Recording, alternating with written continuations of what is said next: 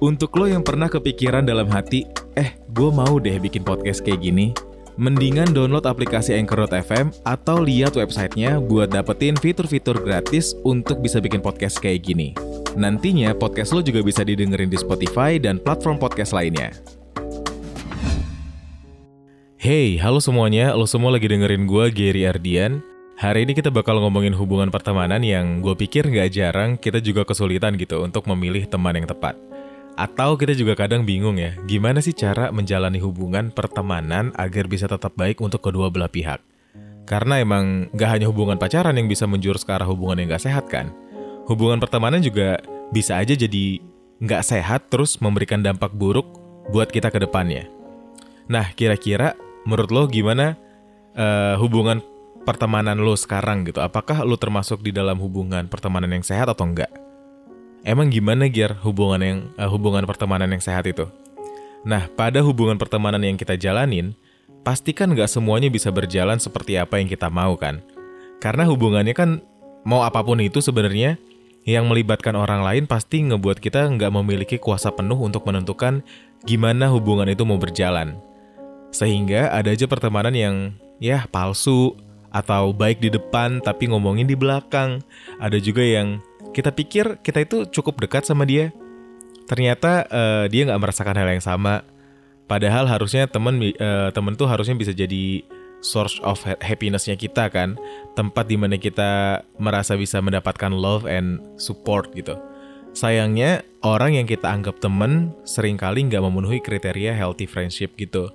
Jadi di pertemanan yang kita alamin kita ngerasa mungkin karena pertemanannya udah dewasa jadi lebih complicated dibandingkan dengan uh, pertemanan kita yang kita rasakan di masa kecil dulu.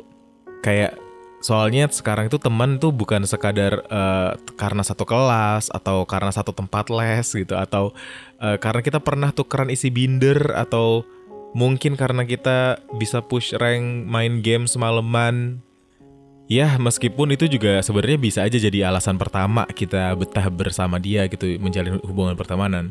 Tapi jauh daripada hanya sekadar hal-hal tersebut, hari ini tuh teman membutuhkan apa ya, seolah-olah kayak membutuhkan kemauan untuk menerima kekurangan. Itu dulu yang pertama. Kita bisa saling berinteraksi sesama manusia karena hal-hal yang kita suka, tapi perlu kemauan itu untuk untuk bisa menjadi sebuah kedekatan yang lebih lagi supaya kita tetap bisa berkoneksi ketika kita menghadapi masalah, ketika kekurangan kita akhirnya keluar. Nah, hal-hal ini nih, hal-hal semacam ini yang mungkin perlu kita ukur untuk mengetahui apakah hubungan pertemanan kita itu selama ini cukup sehat atau enggak. Oke, Ger, gimana caranya? Gimana cara untuk mengukur hubungan yang sehat atau enggak? Ciri-cirinya adalah you willing to share. Kalau pertemanannya sehat, kamu tuh bakal merasa uh, bisa untuk bercerita dari hal baik sampai hal yang dalam tanda kutip buruk gitu. Hal kecil sampai dengan hal berat. Jadi kalau ada hal yang berat yang bisa kita bagikan kepada teman-teman kita, kita kayak bisa berbagi hal tersebut atau mungkin bahkan berbagi hal-hal gak penting. Kemauan kita untuk berbagi itu tuh bisa menambah sentimen positif dan kita juga biasanya berharap hal yang sama dilakukan oleh teman kita. Dan kalau dalam pertemanan itu kita bisa mendapatkan keduanya, itu berarti ada kenyamanan di dalam pertemanan tersebut. In other hand, ciri-ciri hubungan pertemanan yang gak sehat adalah ketika kita merasa takut untuk bercerita. Bahkan mungkin kita pernah merasa ada di pertemanan yang kayak ada jarak gitu ya, atau barrier di antara kamu sama dia untuk bisa saling berbagi apa pun itu. Seolah-olah kayak mengisyaratkan kita tuh kurang deket sebenarnya gitu, kurang hangat hubungannya kayak kurang similarity atau ketertarikan yang sama juga karena mungkin kurangnya loyalty gitu. Nah, kalau kita berada dalam hubungan yang kayak gini, perlu kita cari tahu nih alasan atau penyebabnya. Sama kayak hubungan romantik sih sebenarnya ya. Kita juga bisa tanya ke teman kita, kok kita ini kayak perlu momen atau perlu alasan dulu ya baru bisa kumpul atau baru bisa kita ngobrol. Kita bisa lihat nih gimana tindakan kita ke depannya tentang pertemanan tersebut dari jawaban uh, yang dia kasih ke kita mengenai hal tersebut. Karena kita kan selalu pengen punya temen yang yang bisa ngumpul, ngobrol, apa pun itu nggak perlu pakai alasan gitu kan. Biasanya itu karena punya interest yang sama dan karena kita punya interest yang sama, itu tuh berdampak baik buat hidup kita karena bisa sangat membantu untuk mencapai mimpi kita lebih cepat. Kan karena kita cenderung jadi nyaman untuk uh, menjalani perjalanan tersebut bersama. Pasti menyenangkan lah ya punya seseorang yang bisa diajak membicarakan hal-hal yang sama-sama kita sukain. Podcast ini didistribusikan lewat Anchor.fm. Kalau lo mau buat podcast lo sendiri, mendingan pakai Anchor.fm aja. Karena 100% gratis dan banyak fitur-fitur yang bisa lo gunain untuk bikin podcast jadi lebih mudah.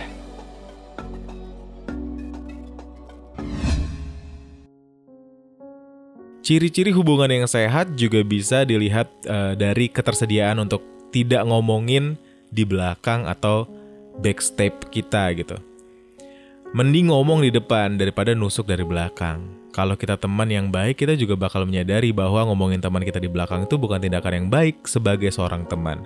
Bahkan peneliti penelitiannya nih ya, orang yang melakukan hal tersebut gitu ya, suka ngomongin orang di belakang, terus kayak ya eh, menjelekan orang atau bahkan membahayakan kehidupan seseorang di belakang gitu ya uh, ternyata orang-orang yang melakukan hal ini tuh cenderung mempunyai masalah di dalam dirinya. Bisa jadi karena dia memerlukan kambing hitam untuk disalahkan atau samsak untuk dijadikan sasaran empuk agar ia merasa lebih baik karena telah membicarakan orang lain agar orang lain itu terlihat buruk. Kebayangkan maksudnya? Semoga kita bukan tipe orang yang kayak gitu ya.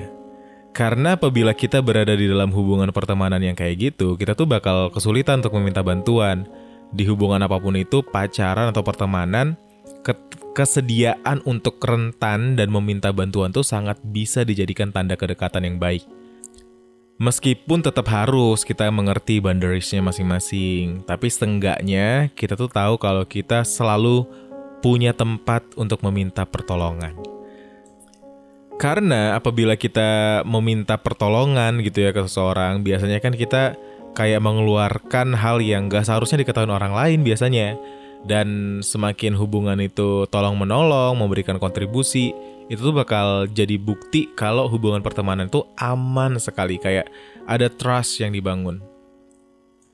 Nah, dalam hal ini, kalau di hubungan pertemanan gue, orang yang bisa memenuhi semua ini ternyata nggak hanya satu orang guys. Kayaknya juga berat ya kalau misalnya tiap hal yang kita butuhkan itu hanya ada di satu orang gitu ada beberapa yang gue sadarin kalau gue harus minta bantuan soal ini, gue harus ke temen gue yang ini.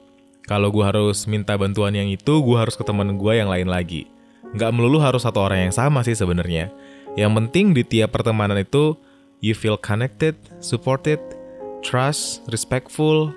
Ya, kamu merasa kayak dia itu bisa ngertiin kamu dan begitu juga sebaliknya. Seolah-olah kayak ada frekuensi yang sama gitu di antara kalian.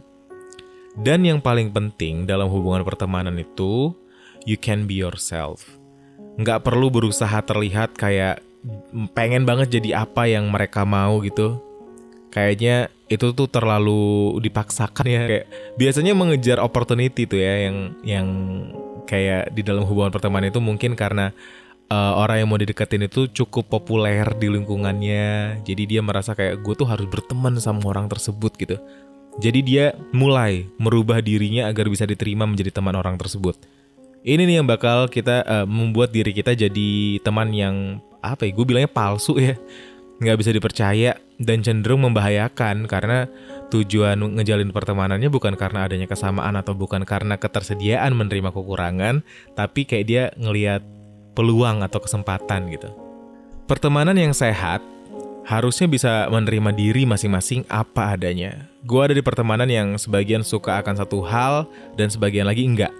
Dan kita bisa menghargai perbedaan itu. Terlebih lagi kalau kita bisa saling support. Untuk bisa jadi the best version of ourselves gitu, wah itu bakal jauh lebih baik lagi. Kayak kita secara berkala bertanya, biasanya kalau gue di pertemanan juga gitu, gimana kemajuan di diri masing-masing, menawarkan bantuan kalau diperlukan. Jadi kita tuh seolah-olah jadi teman yang uh, mau mendengarkan dan menjadi tempat yang dirasa aman untuk jadi apa adanya. Seru banget kan kalau kayak gitu. Ya sayangnya ya nggak semua orang bisa kita anggap teman yang benar-benar dekat dan baik gitu. Ada teman yang bisa dijadikan untuk ya ini entertaining aja gitu. Kayak sama dia ngebanyol aja. uh, tapi nggak bisa diajak tumbuh bareng dan gitu juga sebaliknya ada yang bisa diajak tumbuh bareng tapi kadang kalau misalnya pengen seru-seruan sama dia nggak bisa dan itu gue rasa nggak masalah tinggal gimana kita ngebagi waktu aja untuk mereka gue juga punya teman-teman yang gue tahu gue nggak bisa ngobrolin masa depan gitu nggak bisa ngobrolin yang berat-berat sama mereka tapi gue sangat nyaman kalau lagi ada di dekat mereka gue jadi apa ya ngerasa kayak oke okay lah uh, gue siap aja nantinya dengerin keluh kesah teman-teman gue yang ini dan berusaha ada tiap mereka butuh bantuan yang gue tahu gue bisa bantu dalam hal tersebut. Gue harap setelah ini makin banyak yang ngerti apa arti sebenarnya dari teman dan ke depannya makin mengedepankan pertemanan yang sehat.